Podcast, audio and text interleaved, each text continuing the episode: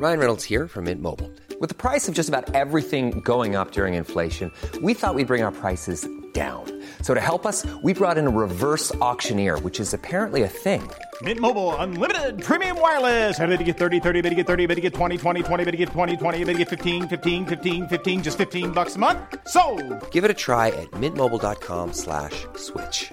$45 upfront for three months plus taxes and fees. Promo for new customers for limited time. Unlimited more than 40 gigabytes per month. Slows. Full terms at mintmobile.com.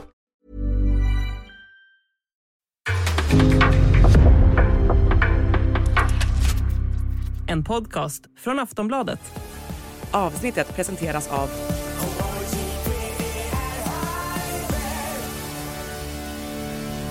Stödlinjen.se, åldersgräns 18 år.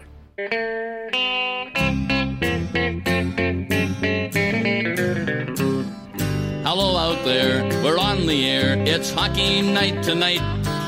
Tension grows, the whistle blows, and the puck goes down the ice.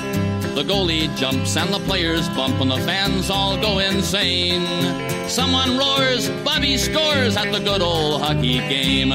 Oh, the good old hockey game is the best game you can name. And the best game you can name is the Hallå, hallå, hallå, hockey hallå, hallå! Hallå, hallå, hallå, hallå, hallå, hallå! Hallå ja, eh, och välkomna till NHL-podcasten med Jonathan Onskan Ekeliv. Som vi hörde där i den klassiska hallå-ramsan från Örby utanför Stockholm. Hallå, hallå! Och mig då, Per Bjurman i New York City. Eh, där vi har fått eh, brittsommar eller vad man ska kalla det. Det är oktober och stekhett ute. Jaså, vad innebär det i temperatur? Ja, vi har ju på 30 grader och folk går i shorts och t-shirts. Ur led är tiden. Det är rena rama Medelhavet eh, för Ja. Ja. Ja, men det har vi inget emot. Det får gärna fortsätta så. Eh, även om det skulle vara tecken på att något är riktigt knasigt. Men skönt är det. Ja, här tittar jag ut på höstlöv och 10 grader och eh, grå himmel. Så att, eh, Ja, ja, du har det bra Bjurman. Här steker solen. Eh, och, men vi ska nu spela in vårt 433 avsnitt och det är ingenting annat än sista avsnittet innan säsongen brakar igång. Det är liksom ett uppsamlingshit här med tips och iakttagelser innan, eh, innan vi liksom är inne i, i den vanliga soppan, höll jag på att säga. Ja, precis. Nu är det det slutgiltiga tipset vi ska leverera och vi känner oss det känns som att vi har snackat upp den här säsongen nu. Vi har kört ett avsnitt om respektive division. Vi har skickat iväg Bibeln till tryck.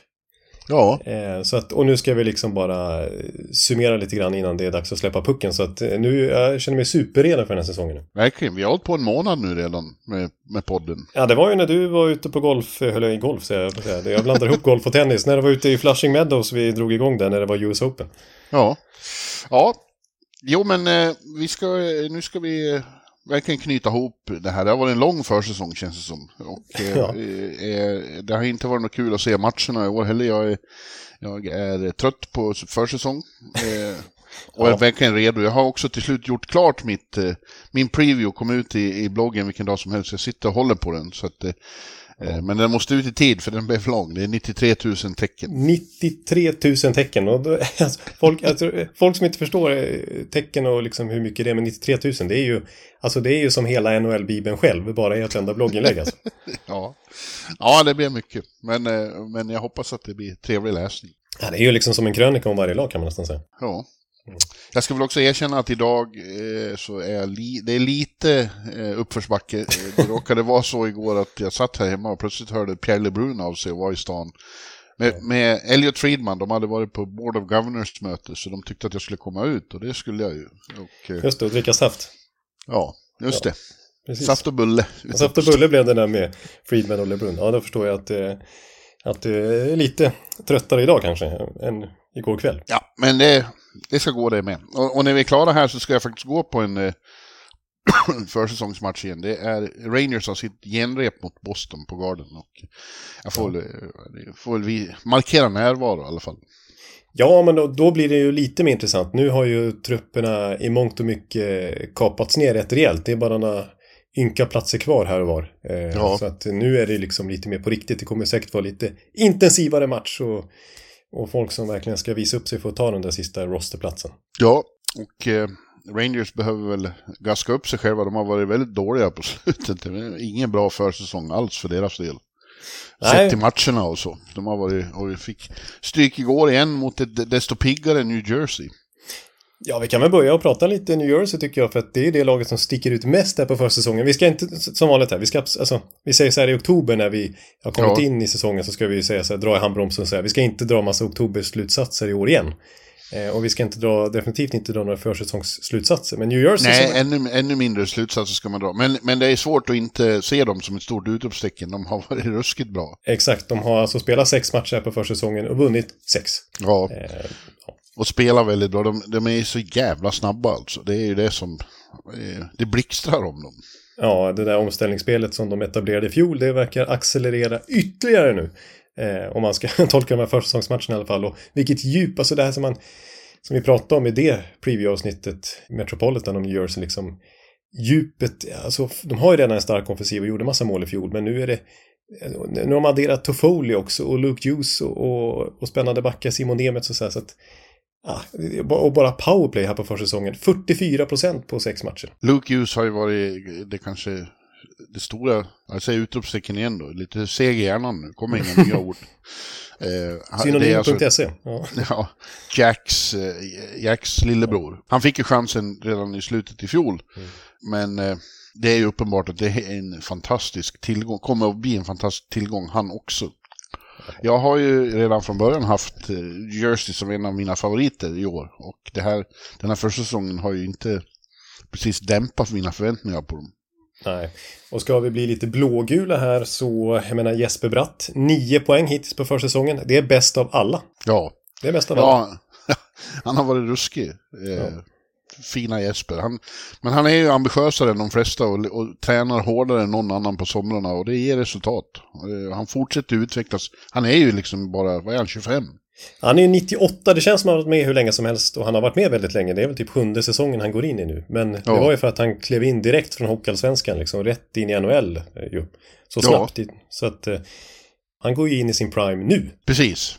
Början av sin prime igen. Ja. Och eh, eh, ja, håller han fast vid den här attityden han har, den här inställningen om att man eh, ska jobba stenhårt så, så kommer han ju fortsätta bli bättre bara. Och jag vill återigen understryka, jag gjorde det redan i samband med att vi pratade om hans nya kontrakt i somras när han signerade det. Men oj vad han tjänade pengar på sin lite djärva taktik där. För han, vi fick ju möjligheten att prata med honom lite grann på den här mediaträffen som jag återkommer till i slutet av augusti Ja. när det var så mycket NHL-spelare i Stockholm.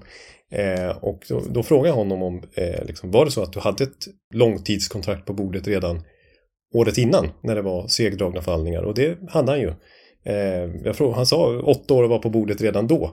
Eh, men det slutade med ett ettårskontrakt på 5,6 miljoner dollar. Ponera då att han hade kanske skrivit ett åttaårskontrakt redan då på kanske 6 miljoner dollar.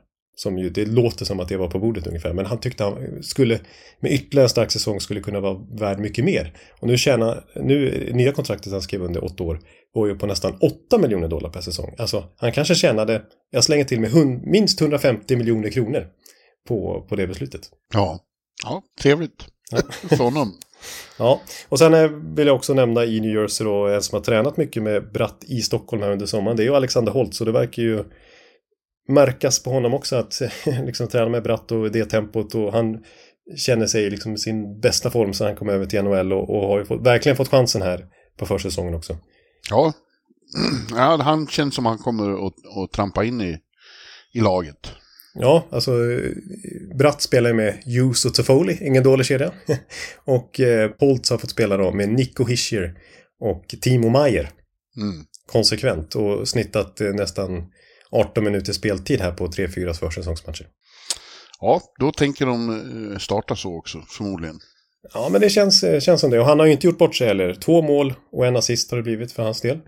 Eh, tidig powerplay sådär också och, och hyllad av eh, tränare och så vidare. Så att, ah, kul! Även Ja. med blågula ögon sett detta eh, speediga, otroligt spännande New Jersey-lag.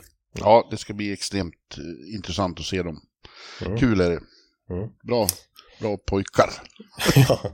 eh, är det något annat där eh, från försäsongen du vill eh, nämna? Ja, det finns ju li- lite fler svenskar som har eh, kanske lite oväntat eh, tagit sig fram. Vi har ju eh, backen i Washington, eh, alltså Hardy, Ham Ham, Aktell. ja, vilket ju är ett fantastiskt namn. Det är bästa namnet någonsin. Ja, Han, han är fortfarande kvar och slåss om eh, platsen som sjunde back, tror jag, i, i Capitals-tröjan. Ja. Och får ju mycket beröm hela tiden av, av deras nya tränare, Carby, som vi var inne på. En bra ledare med spännande idéer och inte räds en sån sak och, och ge en, en... eh, Han skulle ju vara en rookie, han, men han är 25, eller hur? Han, Ja, han är ju liksom ingen, eh, det är ju en la- late bloomer eh, Ja. som verkligen har kommit fram här på slutet de sista åren i Växjö och vunnit SM-guld där och varit extremt framträdande och nära VM-plats här också väl. Så att eh, oväntad men rolig story och att han faktiskt, jag tror inte att Washington har räknat med att han ska slå sig in. Det är ju liksom han som har varit så pass bra så han har varit svårpetad helt enkelt. Ja, hoppas, hoppas det går. Vi har ju också då i Anaheim har ju Leo Karlsson spelat mycket under försäsongen och eh, jag tror att de tänker starta med honom. Det är min känsla också att, alltså, ja, de, de kan ju åtminstone köra de här nio matcherna utan problem innan kontraktet på allvar kickar in då. Eh, Men, eh, han, alltså, bortsett från en otroligt läcker straff han hade här mot eh, Mm. eh, så eh, har det väl gått sådär lite, alltså, jag, jag, nu ska jag inte dra några underliggande siffror slutsatser verkligen inte heller på så, här snackar vi short sample size och dra slutsatser av det på 3-4 försäsongsmatcher. Men de, Anaheim, det ser lika dåligt ut som förra säsongen. Alltså de, de blir nedpressade i egen zon även här på försäsongen. Och Leo Karlsson, eh, hans und, om vi tittar på hans underliggande siffror på, på försäsongen hittills så eh, när han är inne på isen är Anaheim registrerade för noll skott från eh, slottet. Medan nio bakåt. Och han har Ja. expected goals på 12 procent. Det vill säga motståndare förväntas göra 88 procent av målen när han är inne. Och så ser det ut för vä- väldigt många Anaheim-spelare. Så hittills har ju liksom inte Greg Cronin, nya tränaren och sådär fått, fått sprutt på detta Anaheim-lag. De har Nej, åtminstone... men det är ingen som förväntar sig heller.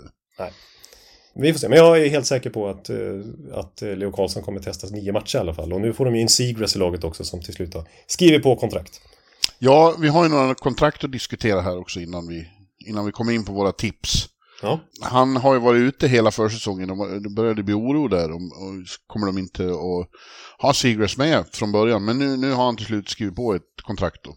Ja, och något så gammalmodigt höll jag på att säga, som var så modernt för 5-6 år sedan. Ett bridge-kontrakt. Mm.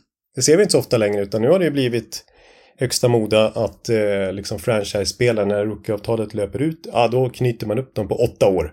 Eller sju år åtminstone, som Anaheim gjorde med Troy Terry här förra. Ja, men jag tycker i det här, just nu är ju bridgekontrakt smarta eftersom eh, lönetaket kommer att höjas nästa år med 5-6 miljoner. Ja, det sa ju Bettman bara häromdagen att det, de, ja, igår. De, De, ja. hade Board of Governors här i New York då. Och så att när man liksom tittar på kontraktet nu så har man ändå på något sätt lite svårt att förstå varför det tog så lång tid att komma fram till det. För det är ju faktiskt ganska bra för båda parter. Om nu Anaheim är osäkra på Seagrass defensiva spel och om han faktiskt ska vara center eller ytterforward och sådär. Medan Seagrass då, han kanske hade velat ha det här långa stora kontraktet. Men samtidigt så, så är det ju bra för honom att förhandla igen om han verkligen har bevisat sig vara den här perfekta liksom, franchise-spelaren. Att om tre år igen när lönetaket kanske är upp mot 100 miljoner dollar. Liksom, att kunna förhandla då istället. Då kommer ju alla lönenivåer generellt vara mycket högre. Så att då kanske Ja. det blir 10 miljoner dollar för honom istället. Ja, exakt. Ja. Exakt. Eh, även i, eh, i Minnesota har det skrivits nya kontrakt. Zuccarello har fått nytt och eh, Marcus Foligno. Ja, det var väl många som reagerade på Folin där fyraårskontrakt för en. Han blev väl typ 33 när, när det där kontraktet började gälla. För han har ju redan kontrakt nu och så det är ju först till nästa säsong. Den nya Ja, det var lite konstigt tycker jag. Ja, det, det kan man ifrågasätta. Däremot så tycker jag att det är kul att eh, konstatera att Mats Zuccarello är så bra fortfarande och får ett nytt tvåårskontrakt ett år i förväg. Med tanke på att vi satt i den här podden och vi var långt ifrån mest kritiska men det var, det var liksom många som var, reagerade på Paul Fenton, den utskrattade Minnesota General Manager, när han skrev ett femårskontrakt med Mats Zuccarello 2019. Eh, han var ju 32 år redan då, Zuccarello. Och eh, hade haft lite armfraktur där i Dallas och sådär. Och, och var det verkligen så smart att skriva så långt kontrakt med en så gammal spelare inom citationstecken. Men eh, han har ju verkligen lyft sig nu sista åren i Minnesota och blivit Kaprizovs stora lekkamrat och förtjänar ju verkligen, eh, jag menar han har ju sina, kommit från sina poängbästa säsonger. Ja, precis. De har varit de starkaste i karriären. Så att det, det har ju varit lyckat och det han är ju inte typen som tar slut plötsligt känns det som. Han har ju inte den konstitutionen i kroppen. Nej, precis. Det känns som att han kommer kunna luta sig mot den där långa klubban tills han är 40 nästan. Ja, ja. Eh, Så att eh, han lever ju verkligen på sitt hockey-IQ. Eh, Och det har jag ju sagt förut, men det är ändå så här i efterhand lite kul att konstatera att liksom att många av de där Paul Fenton-transaktionerna som var så eh, Ja men han var ju så, han såg sig som en galenpanna verkligen innan han blev sparkad till slut. Men det var ju han som tog dit Zuccarello, det var han som tog dit Fialla, vilket gör Fialla bra liksom, får man säga. Och eh, Dean Everson som coach. Så det var en hel del han gjorde rätt ändå. Yes.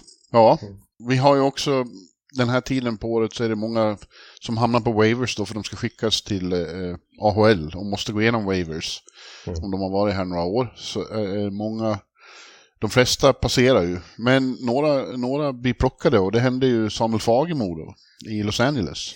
Just som haft en, hade en helt okej, eh, gjorde lite mål på försäsongen, men de bestämde sig för Ja, han får börja i AHL, men då högg Nashville till på Fagemo. Och det tror jag är bra för honom för att det kommer att finnas större chans att slå sig in i, i bottom six där eh, än i Los Angeles. Ja, men det tror jag också. Det, det var ju en svår konkurrenssituation har varit de senaste åren i LA Kings med tanke på det. eh, Det har ju varit svårt till och med för en sån som Quinton Byfield att slå sig fram där. Liksom. Ja. De har haft så mycket prospects. Men eh, Fagemo är ju en, en stor talang. Eh, vi kommer ihåg från JVM för några år sedan när han vann eh, poängligan där och skytteligan. Åtta mål på sju matcher, 13 poäng. Gjorde ju mycket mål i SHL också innan han kom över. Så att, eh, och gjort en hel del mål i AHL också faktiskt. Kanske inte verkligen eh, levererat i den ligan så att han har varit opetbar liksom från, från NHL. Men eh, eh, miljöombyte nu. Det är klart att det finns potential i Samuel Fagemo. Ja, det ska bli spännande att se om han kan få en chans i Nashville. Tråkigare i grannklubben då, eh, som vi just pratade lite om, så har Robert Hägg blivit nedskickad till AHL. Det är ju tråkigt som han har varit ordinarie i rätt många år nu. Det måste jag- kännas som en snyting. Precis, över 300 NHL-matcher han kom upp i nu. Eh, Ja. Och eh, inte spelat AHL-hockey sedan 2017. Eh, och skrev ett envägskontrakt här med Anaheim liksom. Med, helt inställd på, antar jag, att vara ordinarie från start där. Och de skulle tuffa till sig där. Det var ju varit eh, tydligt från Ja, Pat Verbeeks sida. Liksom med Radko Gudas in på backplats också. Sen kom ju sent om sidor även Ilja Ljubushkin. Och sen har de ju en massa offensiva backtalanger eh, sen tidigare och som man tänkt, alltså dels Jimmy Drysdale som väntar på ett kontrakt men det är ju liksom Mintjukov där och Olden Zellweger, de har så mycket, de har verkligen backtalanger på gång. Och så tog de ju själva, ska vi säga, Lassie Thompson, gammalt första rundeval från Ottawa, på waivers. Och då helt plötsligt så, så hade de så mycket backar så att Hägg blev överflödig. ja, ja, det känns taskigt tycker jag. Jag hoppas någon tar honom på waivers nu. Det verkar inte som att det, det har inte hänt än. Nej, Eh, men eh, han förtjänar det. Sånt tycker man är hårt. När de, som du säger, han har inte varit nere i AHL sedan 2017 på sex år och så blir skickad igen till San Diego. Värre ställen att vara på Ja, om man ska spela någonstans i AHL, då är det väl eh, San Diego i alla fall. Eller ditt, ditt favoritlag där, Palm Springs. Ja, jo, de som är där i, Kalifornien har det ju bra. Eh, det är inget fel på Ontario Rain heller i, i Kings lag. Det, det, de, de ligger ju en timme öster om, om LA. Ja, just det. Eller San Jose det- Eklund där i samma stad också. Ja, precis.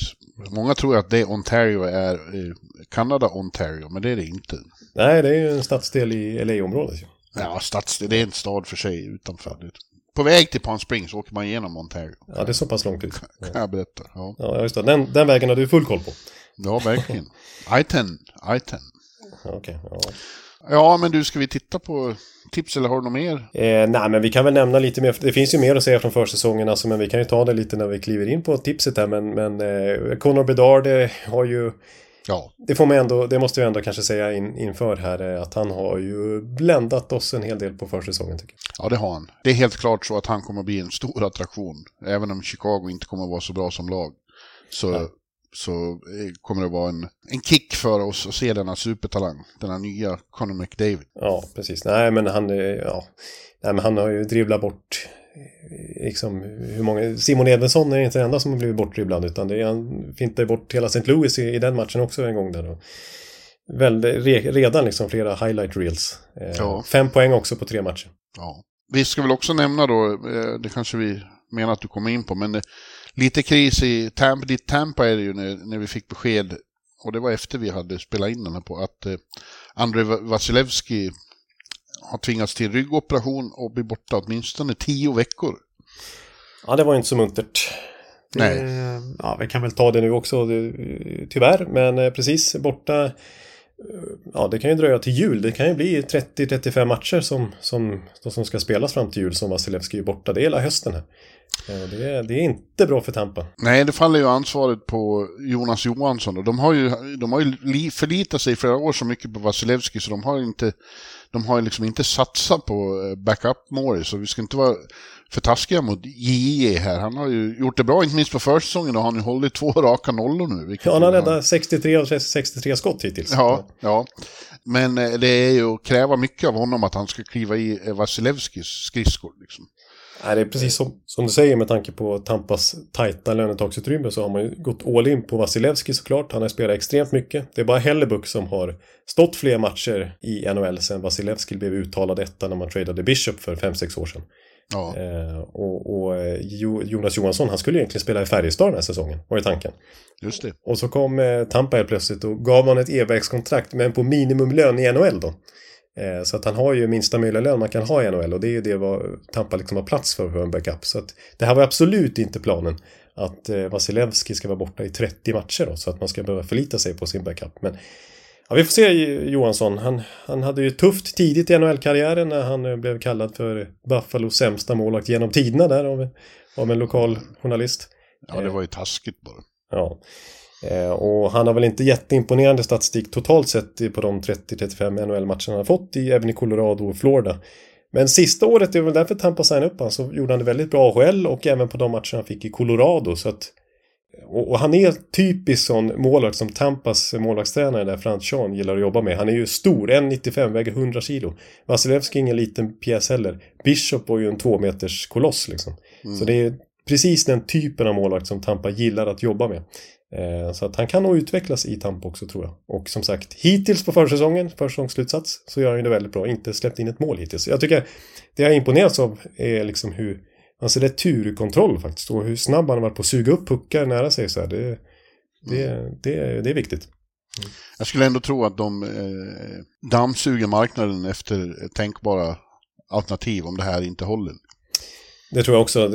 Sådana som inte är signade än som går och väntar. En sån som Jaroslav Halak har inte tänkt lägga målvaktsskydden på hyllan utan han påstås ju träna för fullt och vilja ha ett kontrakt. Men jag vet Ja, inte. men- nej, det är så han- mycket att hänga. Nej, han skulle inte vara bättre än, än, än Jonas, kan jag försäkra. Nej. De, de andra alternativen, det är ju många lag som faktiskt har tre målvakter där det inte är helt solklart vem som ska skickas ner till AHL. Eh, vi har ju ja, men Alex Lyon kanske från Detroit. Kanske ska de verkligen köra med tre målvakter i NHL. Eh, vi har Martin Jones, men han är jag inte så sugen på från Toronto. eh, eh, Magnus Hellberg eh, blir tredje målvakt i Pittsburgh. Ja. Eh, en gammal, det här, det, det skulle vara lite speciellt. Louis Domingue, alltså det ser jag inte som någon stor förstärkning. Men han, det blev faktiskt till slut slaget av Vasilevski, men han hade ju i flera år ett rekord i Tampa. 11 raka segrar, flest av en målvakt i Tampa Bays historia. När han fick hoppa in när Vasilevski var sk- skadad 2018-19 säsongen.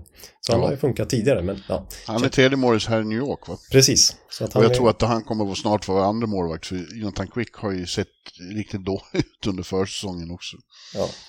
Ja, sen finns det lite dyra alternativ som en eh, Vladar i Calgary till exempel om man skulle köra med Wolf där istället eh, bakom Markström. Eh, men Vladar har ju hyfsad lön också. Och Tampa, även om det öppnas massa löneutrymme nu under Vasilevskis skada, men när han ska aktiveras igen eh, i vinter så eh, då är det ju bara cent som återstår igen och då, då får den här nödlösningen inte tjäna för mycket. Stamkos till Winnipeg mot Hellebuck, det tror jag. Det, det tror jag. Ja, nej, det, det, det tror inte jag. ja, jag hoppas nog på Alex Lyon faktiskt. Eh, Floridas Ja. räddare i nöden i, i våras. Ja, det var han ju. Ja, ja. Men du, innan, eh, vi ska inte fastna här nu. Eh, vi ska nämna också då att eh, Micke Backlund, eh, Mickis i Calgary, har ju också skrivit på ett nytt kontrakt och blivit utsedd till kapten i Calgary. Ja, men det var väl kul för eh, Calgary-fansen att få lite glädjande nyheter till slut. Och någon som faktiskt committar sig där. Ja, som du säger, ett bra tecken, för det har ju varit oklart om, om, om spelare vill stanna där överhuvudtaget. Men nu har han tagit det steget i alla fall. Eh, Ja. ja, det känns, det känns bra. Det känns som det stabiliserar saker och ting i, i Calgary, känns som. Ja, för det hade verkligen varit tvärtom om även han lämnat som har varit där i 14 år och som är så rotad i hela sitt vuxenliv liksom i Calgary och som vann King Clancy i somras för sitt eh, jobb i, liksom, i humanitär välgörenhet och sådär. Som är så Mm. otroligt rotad i Calgary, om till och med han vill bort. Men han ville ju, han, han, är ju, han är ju så mycket Calgary nu, Mikael Backlund. Och, rätt att ge honom set, för det har man ju förstått. Det var ju Mackenzie Weegar inne på en podd i, i, i våras där att han var ju liksom kapten. Fast han inte Ja. hade set efter att Giordano lämnade. Och det var den enda som riktigt vågade säga emot Daryl Sutter också. Som vågade höja rösten i omklädningsrummet och skälla tillbaks när Daryl Sutter stod och gormade. Eh, Så han är ju, och han är ju väldigt sympatisk och väldigt empatisk. En person som verkligen bryr sig om alla, Mikael Backlund. Så han känns som, han, han har varit lagkapten i Tre Kronor till exempel och vunnit VM-guld. Så att han, han har ju ett C på bröstet. Det, det har, har han ju imaginärt haft tidigare också. Ja, men det är ju inte helt ovanligt att svenskar som är länge i sina klubbar blir lagkaptener. Han är den 17 svensken i NHL-historien. Ja, ja det säger. Och eh, det är ju alltid stort i, Ka- i Kanada då. Eh, ja, vi hade Alfie i, i Ottawa, eh, Mats Sundin i Toronto, Thomas Sten en gång i, i Winnipeg. Och eh, så både Marcus Näslund och eh, Henrik Sedin i, i Vancouver. Ja, det var ju hela 2000-talet fram till bara några år sedan. Här. Ja, Eh, det är väldigt hedrande och, och, och det är stort i Kanada liksom att vara kapten. Ja, och vi kan säga så här innan Backlund skrev på sitt kontrakt, men i början av september så var det ju starka spekulationer om att att man redan skulle, eftersom det fortfarande var osäkert kring Backlund då, att, och man lovade nya general manager Craig Conroy att man skulle gå in i den här säsongen med en kapten. eh, Att man faktiskt skulle ge det till Rasmus Andersson istället. Ja. Så det, oavsett hade det blivit en svensk. Ja. Ja, ja men du, nu, nu ska vi tippa. Nu ska tippas till slut. Ekeliv. Du tycker inte om det, du Nej, ja, på det i det längsta. Men, men eh, nu har du tvingat, tvingat av dig tips. Eh, och jag har lämnat tips. Jag har ändrat det eh, från det jag lämnade till Bibeln och Jaså? det jag kommer att avlossa här, ja lite grann, i, i, i bloggen. Och det är den som gäller för mig. Ja, jag har faktiskt... Alltså jag är inte nöjd med mina tips. Jag, har redan, jag, nu, nu, jag, kom, jag kommer stå för dem jag har eh, lämnat till Bibeln. Men jag är redan missnöjd. Men Mm. hur jag än gör så blir jag missnöjd. Det är så svårt i denna extremt eh, jämna NHL-liga och speciellt när lönetaket verkligen har gett den effekt som är tanken. När det ska Ja. vara så här ovisst. Ja. ja, det är svårt. Det är omöjligt och det är ju så att vissa tips kommer framstå som tokiga i, i senare under vintern och, och andra smarta, man har bara tur. För det är ju så att vissa favoriter kommer att floppa, det är bara så. Mm. Och vissa nederlagstippade lag kommer att vara mycket bättre än, än någon hade föreställt sig. Det är alltid så. Och så sitter man och, och, och verkar så tvärsäker i, i början. Men jag är inte tvärsäker på någonting, jag har bara försökt eh, om man, man blir ju sugen på att liksom inte vara för förutsägbar och säga, säga de typiska att det blir som det alltid blir. Eh, och det gäller framförallt i Atlantic som vi vill börja med att titta på här då. Ja, det- Eh, är det är ju ju- som, som sagt ett, ett, eh, en dödens grupp monumentale. Det tycker jag faktiskt. Man får lägga till monumentaler där. För att jag, vi sa ju att alla, alla divisioner är ju dödens grupp. Kommer vi fram till när vi har gått igenom divisionerna. Men det här är nog dödens grupp monumentale. Det här, det här känns som den tuffaste divisionen av dem alla. Ja, det känns som sju lag eh, är helt... Eh, för, för, har, ja, vad skulle jag säga nu då? Ja, för är i stånd att avsikt, ta, ja. ja. nej, men är i stånd att ta sig över strecket. Och, och det åttonde laget då i Montreal. Och vem vet, alltså de, de kommer ju också bli bättre. Eh, enda anledningen till att jag har Montreal 8 är att de andra ser ännu starkare ut. Inte att Montreal ser så dåliga ut. De är bara lite unga och befinner sig i en annan del, i en annan fas i sin rebuild. Ja. Men eh, i, i den här divisionen så är det ju fyra lag som eh, har, har liksom varit dominerande i flera år nu. Och det är Boston och, och Toronto, eh, Tampa och Florida har ju liksom varit i ett eget skikt i den här divisionen. Ja. Men jag tror att det där kan brytas upp i år. Och därför har jag tippat så här. Vill du höra? ja, nu, vill jag, nu är jag spänd på att höra. Ja. Och jag ska förklara framförallt en sak. Det är ju ett lag som har halkat ner här för mig. Då. Som kommer svida i dig. Ja, ja. Ja, Vi går Florida vidare är- till Metropolitan. Etta Florida, tvåa Buffalo, trea Toronto, fyra Boston, femma Ottawa, sexa Tampa, Oj, oj. sjua Detroit, åtta Montreal. Och att Tampa, eh, det är ju dels då det här som vi redan har pratat om, Vasilevski. Mm. Eh, han eh, är borta i, i tio veckor. Jag, jag tror att det därmed finns en stor risk att de ramlar ner i ett hål. Och vi vet att man kan inte vinna i oktober, men man kan förlora. Ja, kommer man för långt efter så blir det tungt. Men Ja. dessutom så är- har, ju, eh, har vi sett sprickor i fasaden eh, när Steven Stamkos eh, nyligen gick ut och faktiskt luftade sitt missnöje. Han känner sig inte respekterad för att han inte har fått något förslag på fortsättning. Nej, vi var inne på det en hel del förra veckan och jag sa vad jag tyckte om det och jag håller ju med Stamkos. Så att jag, jag, förstår ju Julian Brisbois varför, att han, varför argumentet till att inte knyta upp honom nu.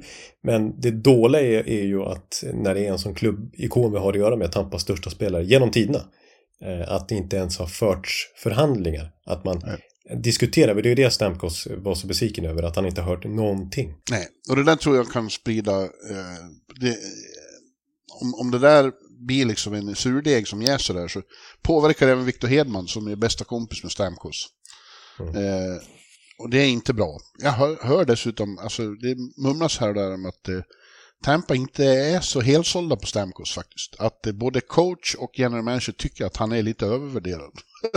Ja, det har ju varit en snackis eh, länge där med relationen mellan Cooper och Stamkos, att den inte Ja. varit 5 plus. Och den, att det skar sig ganska ordentligt för några år sedan, men att de sen har kommit lite på fötter om man ska säga, den relationen igen. Men eh, i och med framgångarna. Men nej, det, det, det är ju tufft. Jag, jag kan ju nämna, vi kan fortsätta diskutera den här divisionen, men jag kan, eh, ja, jag får ju följa upp här med hur jag har tippat dem. Mm. Eh, så kan vi jämföra. Jag har ju Toronto etta, Florida tvåa, Boston trea, Buffalo fyra, Tampa utanför slutspel femma, Ottawa sexa, Detroit sjua och så Montreal åtta. Ja. Ja, men det är ju de här tre lagen som har rustat eh, rätt så starkt nu. Framförallt Buffalo och Ottawa, men även, även eh, Detroit då. De kan bryta den här hege- hegemonin som, som eh, de, de Big Four har haft. Eh, Ja. Jag är inte så säker på Toronto. Alltså Toronto har ju massa kapacitet, men det här... Eh, alla musklerna och sandpappret de har tagit in, jag vet inte om det verkligen är svaret. Ja, men jag, jag, sett, jag sätter dem etta eh, tack vare, eh, ja men det är ju verkligen prime-ålder nu på Marner, Nylander, Matthews och sådär. Det, det, de ska, ska vara som bäst i sina karriärer, typ den här säsongen. Eh, och de har varit med om så mycket och dragit så mycket lärdomar så att, nej, och jag tycker de ser så pass starka ut i alla lagdelar utom målvaktssidan men Ilja Samsonov är väl tillräckligt bra i alla fall. Och jag tycker även muskler som Tyler Bertuzzi i första kedjan på ett ettårskontrakt. Max Domi också som redan verkar ha fått lite kemi med Nylander. Jag tycker, Ja, jag, jag, jag tycker de, i grundserien känns de stabilast av alla dessa åtta lag. Ja, jag har då Florida etta. Jag jag tycker, de är, eh, jag tycker det är lite konstigt, det har vi redan pratat om, att, att eh, så många här borta inte verkar tro att det som hände i våras säger något om deras verkliga styrka. Det tror jag det gjorde och jag tror att visst, de har mycket skador, men det är bara ett blad som är borta riktigt länge. Eh, jag tror att de har lärt sig eh, hans system, eh, Maurice, och eh, framförallt har de lärt sig vad de kan. Eh, de vet hur bra de är nu, om de bara spelar på rätt sätt. Alltså, fram till slutspelet när de blev så frukt, en sån fruktansvärd lagmaskin liksom. Så var de ju ganska lynniga under säsongen. Dels så tycker jag att de kan ursäkta sig lite för en hel del konstiga skador och sjukdomsproblem och virus och grejer som fick fäste. Men, men de blandade och gav otroligt mycket under grundserien och Bobrovski var eh, en av NHLs sämsta målvakter ibland och en av de bästa ibland. Och de var ju faktiskt bara någon enstaka poäng från att missa slutspel. Faktiskt. Vi var ju sista laget in i den östra konferensen så att Ja, men, Men- som, de började ju spela bättre där i slutet av grundserien ja, också. ja det gjorde de. Eh, Så att jag tror att eh, de kommer bli riktigt bra. Eh, Vad man inte vet är ju Boston. Liksom, de, är, de är en liten enigma innan vi startar nu. Hur mycket det kommer att märkas att de har så... Att de har blivit av med sin bästa, med sin själ, liksom, med sin general i Bergeron. Men även Krejci då, så att det ser tunt ut down the middle. Precis. Eh, det är verkligen själen Bergeron som är borta där. Sen eh, när vi pratade med Hampus Lindholm där i augusti så sa ju han då att på sitt, eh, liksom, sina ett och ett halvt år i Boston så sa han att han tror inte det kommer påverka så mycket som man tror för han har aldrig varit med om en miljö där han har känt att någonting faktiskt sitter i väggarna. att det är liksom att, att pratar man med materialarna eller med arenapersonal eller vem som helst runt och i och kring TD Garden där så är det liksom det är en känsla som bär genom generationer. Eh, Så att han trodde faktiskt inte att det var så stort problem. Och jag, jag tror att Boston inte faller igenom helt liksom Det är klart de inte kommer sätta grundserierekord i poäng som i fjol, men de har sånt stabilt fundament med det där målvaktsparet, med den där backsidan som är intakt, med Jim Montgomery-hockeyn som de har lärt sig utan och innan. Mm. Eh, och de har fortfarande Pasternak och lite spets framåt. Det är klart att centersidan är väldigt svag men, eh, på förhand. Men det finns också potential i en sån som Sacha så där om han kan växa ut till en första center. Men, så jag, jag tror ändå Boston är ett slutspelslag. Ja, jag har dem ju också på slutspel då, precis på eh, gärdsgården där, på fjärde plats. Men jag är inte hundra på det. Det kan vara så att Ottawa eh, är bättre. Det är ju det, alltså de andra lagen är ju väldigt bra också. Ja, precis. Alltså jag har svårt att peta Ottawa från slutspel. Jag valde Buffalo. Du har ju Buffalo till och med tvåa. Ja, jag tror att Buffalo kommer att vara en... Eh, det är bara någon känsla jag har att Buffalo kommer att vara en succé i år. Mm. Ja, det, det, finns lite frågetecken där fortfarande, men det, det, är stor chans till att det, det verkliga genombrottet kommer nu. Det var ju väldigt nära slutspel redan förra säsongen. Ja, en poäng ifrån. Ja. Ehm, och, och målvaktssidan med, med Devon Levi, om han är den här franchise-målvakten som han visar lite tecken på i sin korta sejour under våren så, så är det ju något väldigt bra på gång. Ottawa tycker jag också ser så spännande ut. Eh, med ja. Från start, med, med Sanderson som är så bra den backsidan. Jag, jag tror ju lite på Korpisalo i kassen också. Och sen liksom utvecklingspotentialen framåt. Alltså, jag är inte alls orolig för offensiven med också Vladimir Tarasenko in dessutom. Men det är att de måste sätta försvarsspelet helt liksom eh, för att vara ett slutspelslag. Ja, vi kommer ju till vad vi tror om, om eh, general managers och coacher. Jag tror att det, om det inte börjar bra där så kan vi se en snabb förändring. ja, det har, exakt. Det har jag faktiskt skrivit upp också här när vi kommer till den punkten. Mm. Ja, men du, nu går vi vidare. Eller ja. har du något mer att säga om Atlantic? Nej, precis. Det, det, Detroit är väl de man, man tror minst på av de där tre utmanarlagen trots allt. Även de också går ja. för i år. Ja, de kommer att vara bättre också. Ja. Det är jag helt övertygad om. Ja. Så att, eh, inget, inget är särskilt säkert. Nej, det är ingen superskräll om de skulle gå till slutspel heller. Liksom. Det är Nej. så pass jämnt är mm. ja. Want flexibility? Take yoga. Want flexibility with your health insurance? Check out United Healthcare Insurance Plans. Underwritten by Golden Rule Insurance Company, they offer flexible, budget friendly medical, dental, and vision coverage that may be right for you. More at uh1.com. I Metropolitan, där tippar jag så här. Eh, etta Carolina, tvåa New Jersey, men det, det är på väg att kasta om också, att det blir Jersey som är etta. Men eh, etta Carolina, tvåa Jersey, trea Pittsburgh, fyra Rangers, femma Washington, sexa Islanders, sjua Columbus, åtta Philadelphia. Ja, jag kan dra mitt direkt också, för det är ganska snarlikt. Det är Carolina etta, New Jersey tvåa, Rangers trea, Pittsburgh fyra och där har vi slutspelslagen. Ja. Islanders femma, Washington sexa, Columbus 7 och Flyers 8. Ja, det, det, är väl ganska säkert ändå att det borde vara så att Philadelphia kommer åtta. De är ju verkligen inne i en rebuild. De håller på att riva ner allt för att bygga nytt. Exakt, och de har, det är det enda av de här eh, övriga sju lag, det är det enda av de här åtta lagen ska säga som inte uttalat, eller det är klart att de siktar på slutspel uttalat, men som det inte skulle vara en besvikelse tror jag internt om de skulle missa slutspel. Nej, precis. Nej, alla andra eh, siktar ju på det, såklart. Ja.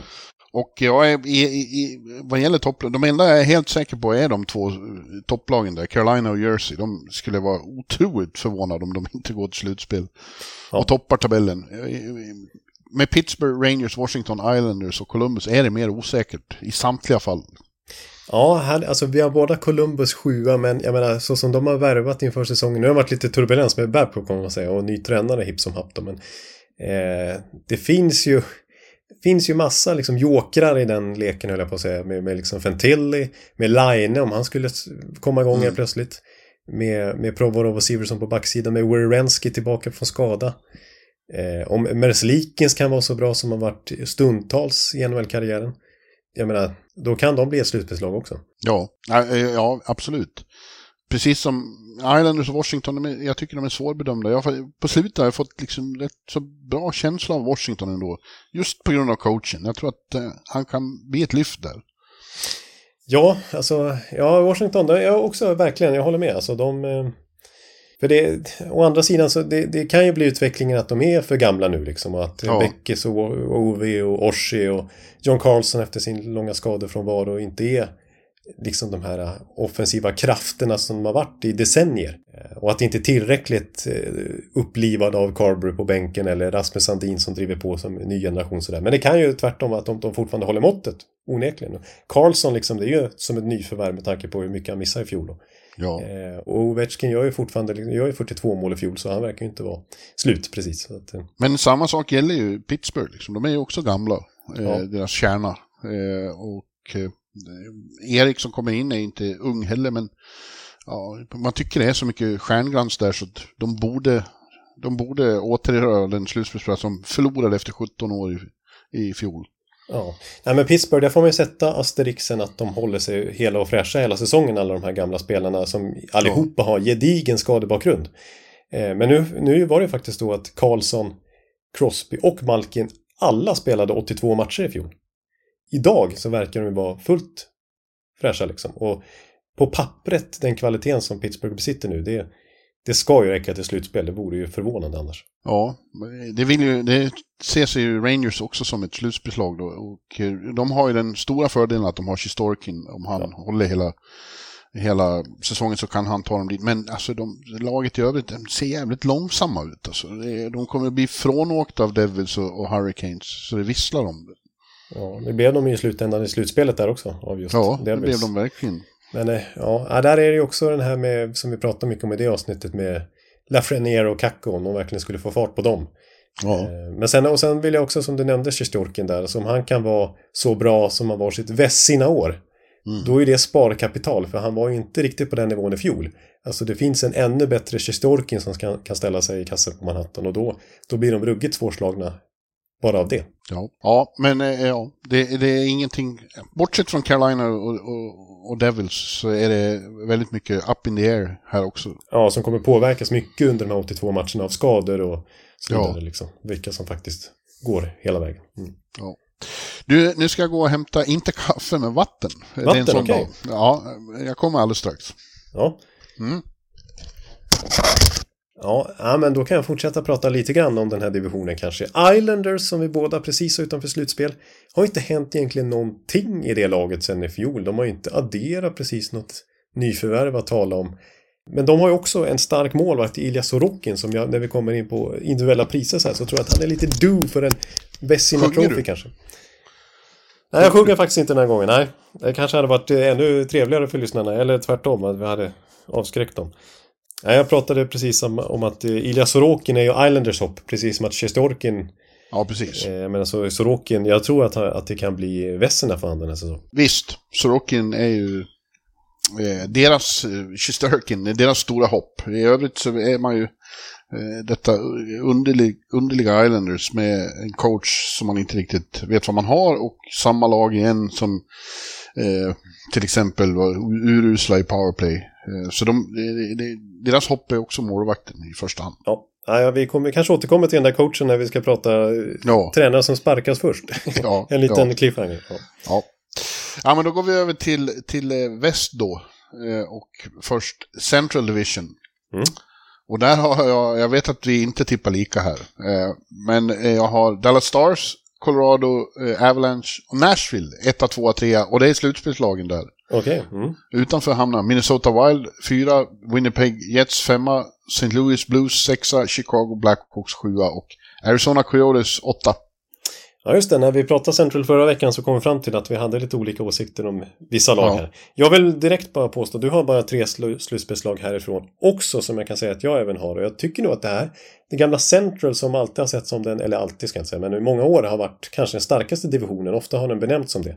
Nu är jag inne på att det kanske är den svagaste. Utan Ja. att det för den skulle är en dålig division. Men Ändå så kan Stanley Cup-vinnaren finnas här. precis, Eh, alltså jag vill påstå att de två första lagen är i ett eget litet skikt här också, precis som Ja, ja. Carolina och New Jersey i nämnda Metropolitan. Men jag har också Dallas och Colorado 1 2 Mm. Sen har jag Minnesota 3 och det är mina slutspelslag. Ja. Eh, och sen Nashville utanför Winnipeg, St. Louis. Arizona före Chicago. Ja. Ja, ja, men det det är ju så. Dallas och Colorado ser ruskigt starka ut. Alltså, eh, det är ju två contenders båda två. Eh, Ja, precis. De, de är inte bara ute efter att gå till slutspel. De här blir ju missnöjda om de inte går hela vägen. Det är ju på Ja. den nivån. Ja. ja. Sen eh, tror jag lite mer på Nashville än vad du gör då. För att jag tror att eh, Ryan O'Reilly och Gustav Nyqvist och Luke Chen eh, kommer in i ett lag där många är på väg uppåt underifrån. Eh, och eh, de får in Andrew Brunette som coach och jag tror väldigt mycket på Barry Trotz. Och Jussi Saros är så grym i målvakt. Så jag tror att det, de, de blir den stora positiva överraskningen i år. Det, det är vad jag tror. Och så brukar Roman Josi vara bra varannat år. Alltså, Ja. han är alltid bra, men det är ju varannat år så slår han till med en sån här hejdundrande poängfest. Liksom. Ja. Och, och det, då är det i så fall dags i år igen då.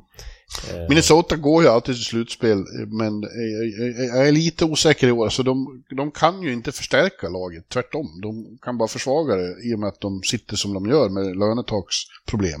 Ja, men jag tycker ändå att de ser ungefär lika eh, jämnstarka ut som i fjol. Och eh, har lite förhoppningar på en sån som Marco Rossi ska ta nästa steg eller att Boldy kan bli ännu bättre kanske. Eller när Brock Faber på, på backen. Eh, och Filip Gustafsson blir spännande att följa år Ja, två här i Minnesota. Ja, verkligen. Det blir det. Ja, Ja, men de, eh, det, det är inte omöjligt att de går till slutspel också. Winnipeg eh, känns ju mer att, ja, som vi har sagt, det, det känns som det kan explodera hela laget där om fler försvinner. Ja, faktiskt. Ja, jag vill säga så här att när vi, när vi kommer in på Pacific snart. Alltså, jag, jag har Calgary utanför slutspel där. Men jag tycker att de känns mer... eh, mer högre tankar ska jag säga om Calgary än vad jag har om Nashville, Winnipeg, St. Louis som jag har utanför slutspel i den här divisionen. Ja. Ja, ja. Men Dallas alltså, de har potentiellt både Vessina, Norris Trophy och skytteliga-kung kanske. Det sista är väl att ta i. Men, Men, ja, men en men- 50-målsskytt i alla fall kanske Jason Robertson. Ja, de har Ottinger, Heiskanen och Jason Roberts. Det intressanta med de här är ju att de, de är alla från samma draft. Det är 2017-draften. Att de har fått tre sådana superstars i samma draft, det är bra gjort. En franchise-spelare i, i respektive lagdel. Ja, Det är ju helt eh, unheard of. Ja, Eller hur? Jim Nill får ju stora, stora priset. här, Regerande mm, GM of the Year-vinnare är han ju också, Jim Neal. Som Ja. har adderat eh, Matthew Shane till det här lagbygget också, så de ser ju inte precis sämre ut inför säsongen Nej. som stundar. Eh, jag vill säga om Nashville också där, alltså apropå försäsongen här, de har ju torskat samtliga matcher hittills. Eh, men det ska vi inte dra några slutsatser av. Eh, vi kan säga att Dallas, de torskade samtliga försäsongsmatcher i fjol och gick till konferensfinal. St. Louis, apropå den här divisionen, de vann fem av sex försäsongsmatcher i fjol och missade slutspel. Så att det säger ju ingenting kan vi ju Nej. konstatera. Nej. Eh, men vi tar Pacific då, slutligen också då. Där har jag tippat så här. Eh, etta Edmonton, tvåa Vegas, trea LA, fyra Vancouver, femma Seattle, sexa Calgary, sjua Anaheim, åtta San Jose. Och då tror jag alltså att de fem första går till slutspel där. Mm. Att Vancouver och Seattle är eh, wildcard-lagen. Men jag känner mig långt ifrån säker på det. Det kan vara så att Calgary, som du ju eh, har allt goda vibbar kring, eh, tränger sig in där också. Det är inte helt säkert att Vancouver blir så bra som jag tror, men eh, jag tror verkligen det. Ja, eh, ja, men vi har ganska, vi har väldigt liknande då, för vi är exakt samma slutspelslag kan jag säga. Jag har ju fem från den här divisionen också. Jag har Edmonton etta, LA tvåa, Vegas trea. Jag säger, säger att de har lite baksmälla ändå och Mm. orkar inte vinna divisionen igen i grundserien. Seattle, första wildcard. Vancouver tar sig faktiskt till slutspel här. Calgary precis utanför, Anaheim, San Jose. Yes. Ja, det är ju väldigt många bra lag här. Framförallt de där tre i, i toppen är ju, de är ju contenders också. Verkligen. LA som har förstärkt också. Edmonton, det är, nu, nu påstår de sig ha lärt sig tillräckligt många läxor här, Dreisaitl och McDavid, för att kunna ta ytterligare ett steg. Liksom. Ja, det, det handlar ju framförallt om att fortsätta leverera på samma nivå i slutspelet, vilket är extremt svårt. Eh, Men, men de måste vara lika svåra att spela mot då som de är till vardags. Och inte bara i första rundan då, för de Nej. har ju öst in mycket poäng, men när det har blivit de här knivigaste matcherna mot de tuffaste lagen, då har de ju blivit utraderade. Till och med McDavid. Liksom. Ja.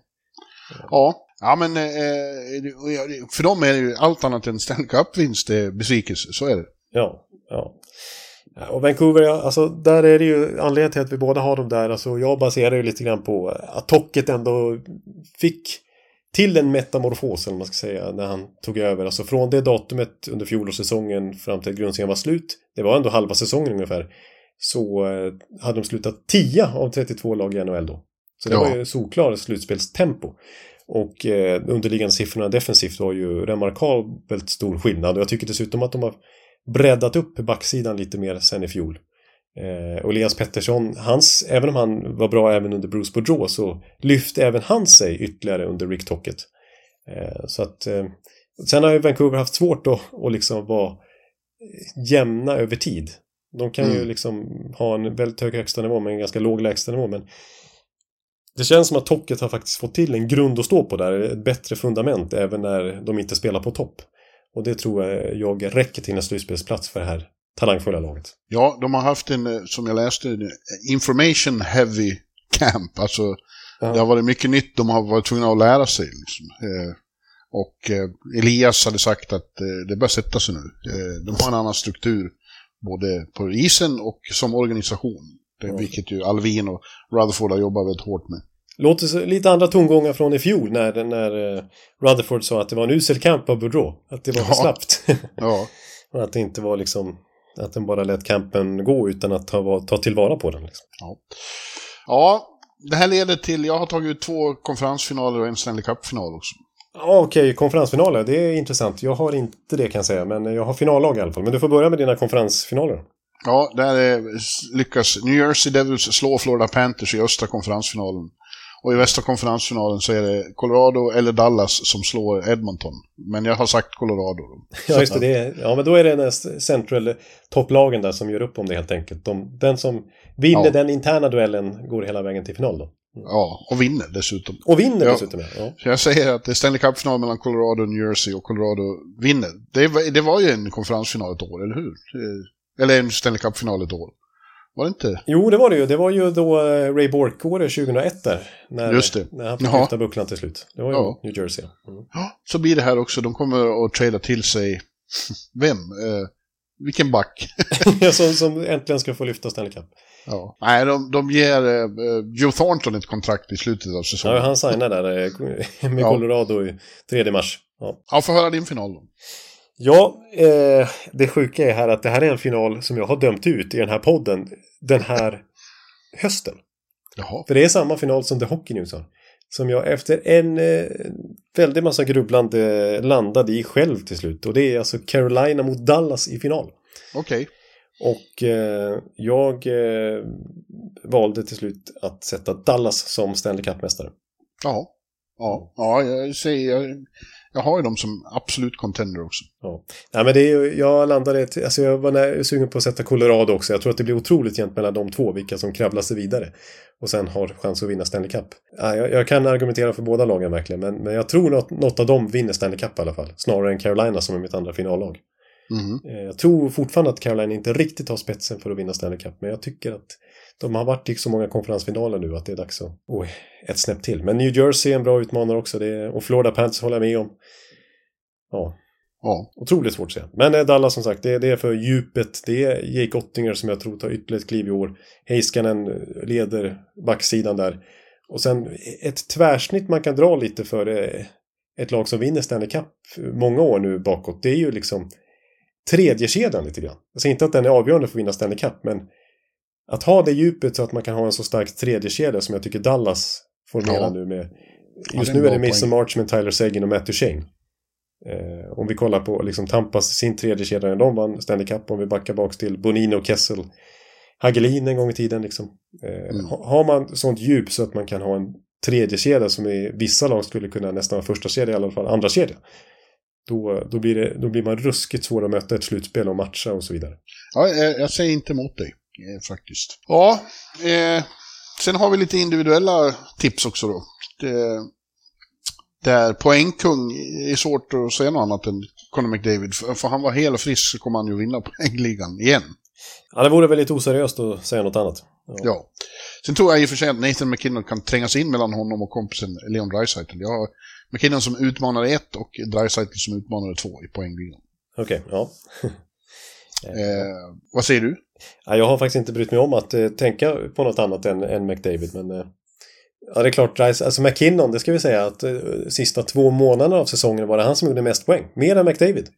Ja. Eh, han kom ju tillbaka oerhört starkt efter den där skadan. Det var inte så att det var tvärtom att han hade trögstartad och, och sådär utan eh, accelererade enormt mycket. Och McKinnon har ju aldrig vunnit poängligan. Så att eh, han är nog motiverad nu, verkligen i sin prime han också. Ja. Ja. Men det är alltså, McDavid hade ju 25 poäng ner till Dreisaitl och ännu längre ner till närmsta icke-lagkamrat. Mm. Ja, nej, han kommer att vinna. Eh, det är stor chans att han vinner även eh, målligan, alltså skytteligan. ja.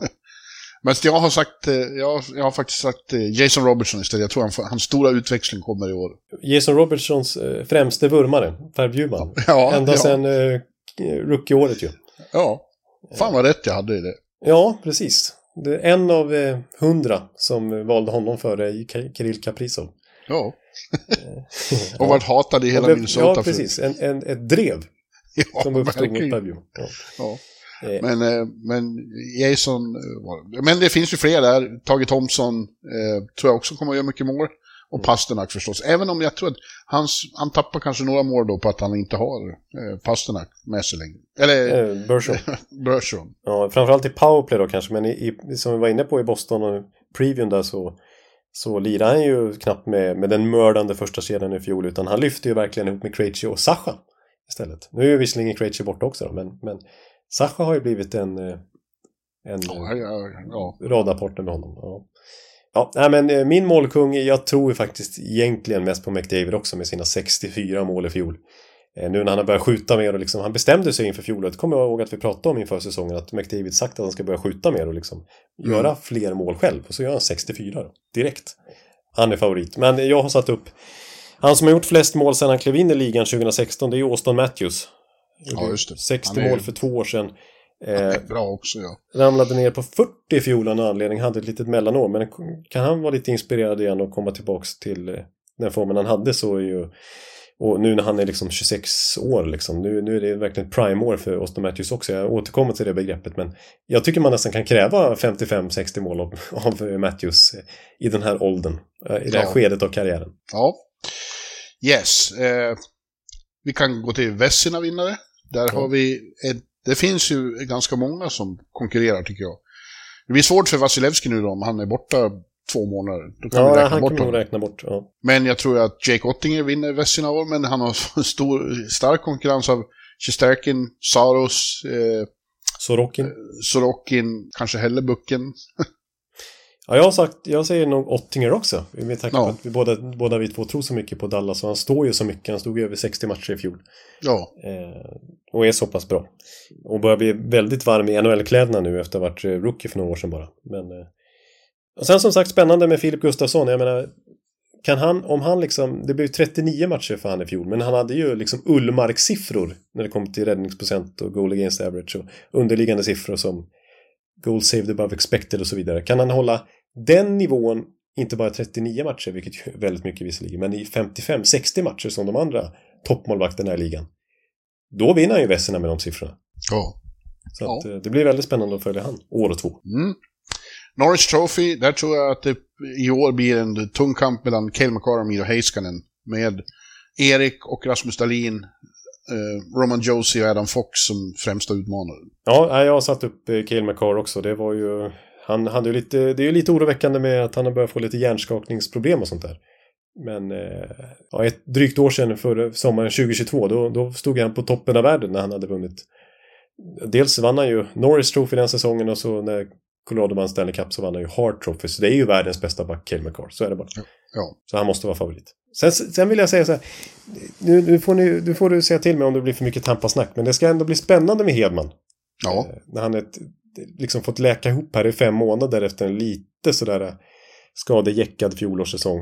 Eh, ja vi kanske under, undervärderar honom lite här i eh, alltså, fra, fram till... skenet av fjolårssäsong. Precis, för dessförinnan hade han sex raka år med nominering. Ja. Eh, och nu, nu är han liksom tillbaka i, i slag här igen, tränar mycket i första PP igen. Det är ju därför han inte gjorde lika mycket poäng i fjol, eftersom att Sergachev fick spela mycket powerplay. Nu, nu känns det som att Hedman kommer få chansen igen. Jag, jag tror liksom, när dessutom Vasilevski är borta och, och back, backbredden har blivit lite tunnare så kommer det bli fler minuter för Hedman. Det kommer krävas från John Coopers håll att liksom, nu måste du försvara fortet här Hedman. Nu måste Jo. du vara så bra som du bara kan. Eh, Så jag tror han kommer nog få ännu mer istid den här säsongen också och PP-tid och så vidare. Så att, eh, jag tror vi kommer se en Hedman som studsar tillbaks. Ja, han är ju ruskig tävlingsinstinkt. Han vill, eh, han vill visa att han fortfarande är världsback. Ja. Ja, det tror jag också. Ja, eh, sen har vi då årets rookie. Och det lär ju bli Conor Bedard. Det är svårt att, att, se. Men det finns ju andra. Luke Hughes tror jag mycket på. Mm. Devon Levi i Buffalo tror jag också på. Eh, Ja, jag är ju spänd på eh, Logan Cooley också i... Ja, Arizona. och, och Fantilli i Columbus. Men Ja. som Bedard har sett ut under försäsongen och som vi redan har pratat om här så eh, det, det känns som de kan redan börja skriva in hans namn i, i eh, vad heter det nu? I, eh, i historieböckerna höll jag på att säga, men vad ska man säga? Ja, men vad I- heter priset? I, ja, i Calder Trophy. Så, Caldy, just det.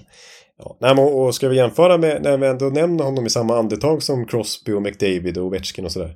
Eh, Crosby och Ovechkin gjorde över 100 poäng sin första säsong i ligan. McDavid gjorde en poäng per match fram till att han blev skadad halvvägs in. Mm. Jag sa i förra avsnittet när vi pratade Chicago och Bedard och den divisionen att eh, åtminstone 70 poäng är min förväntan på, på Bedard. Och det är väldigt mycket för en rookie, men vi pratar om en generational talent. Så att, eh, och 70 poäng kommer ju inte liksom någon annan mäkta med. Det har jag väldigt svårt att. Nej, just det.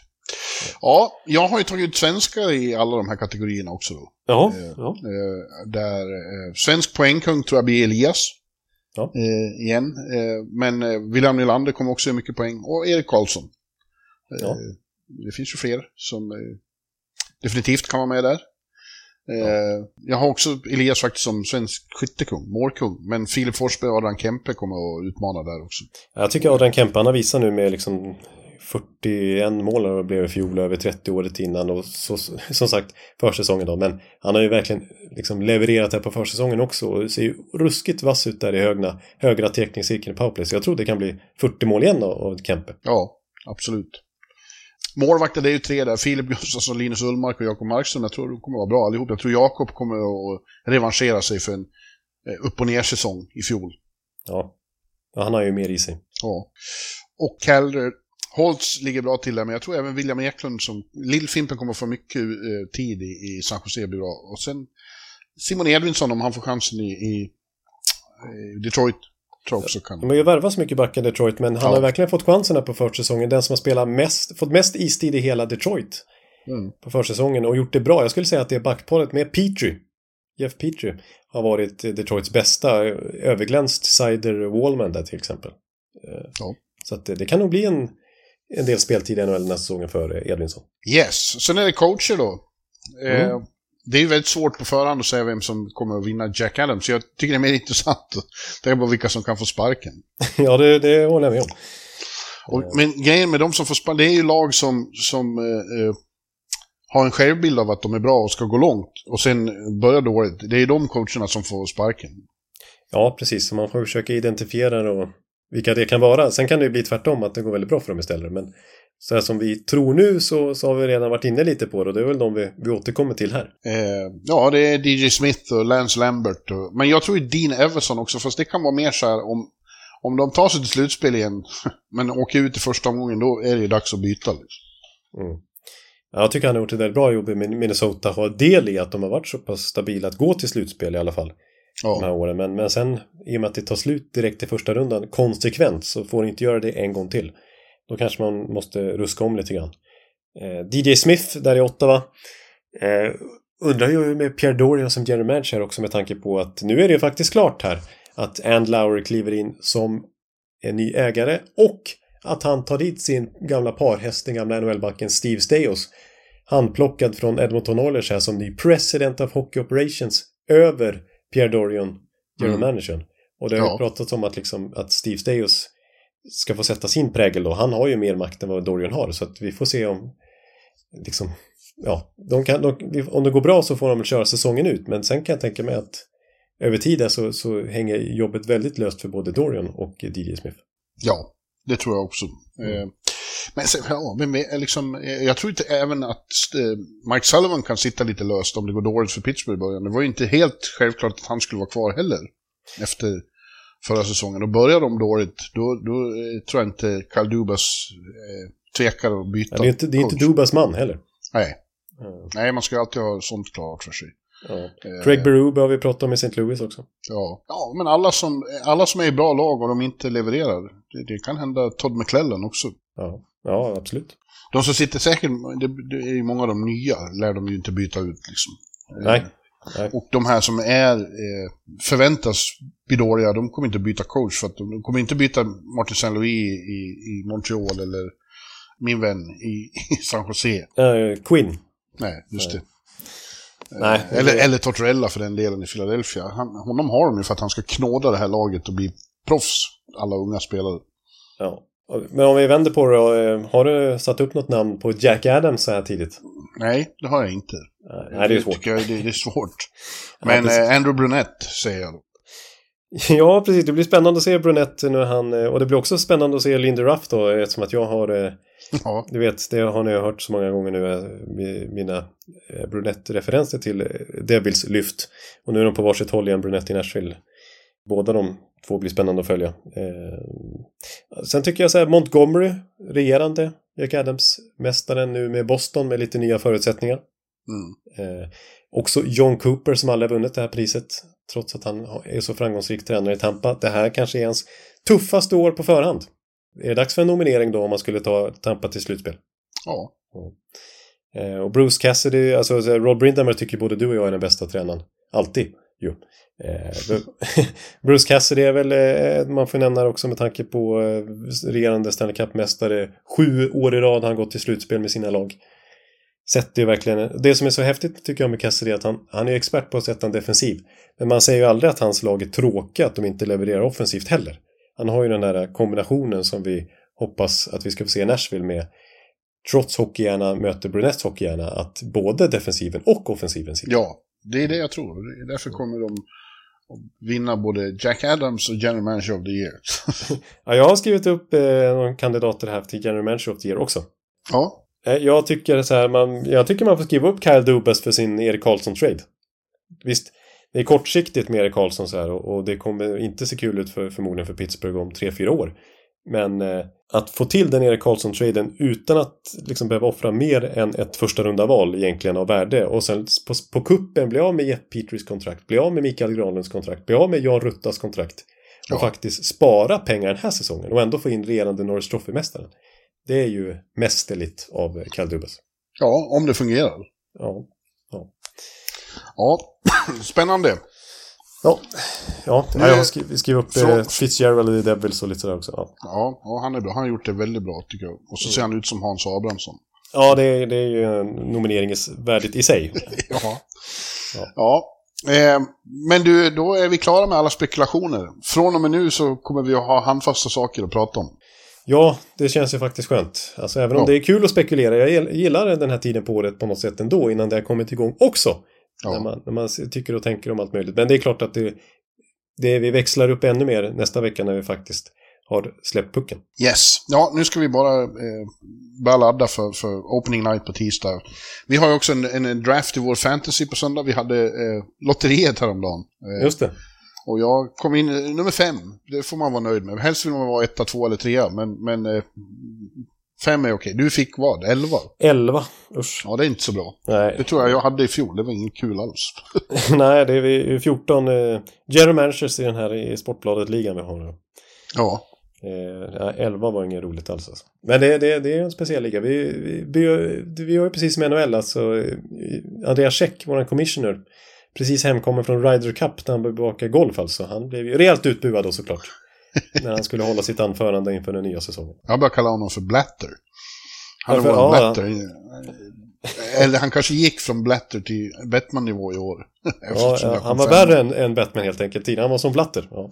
Ja. ja, och sen ska väl jag spela in ett nytt avsnitt av The Bjurman Exchange också.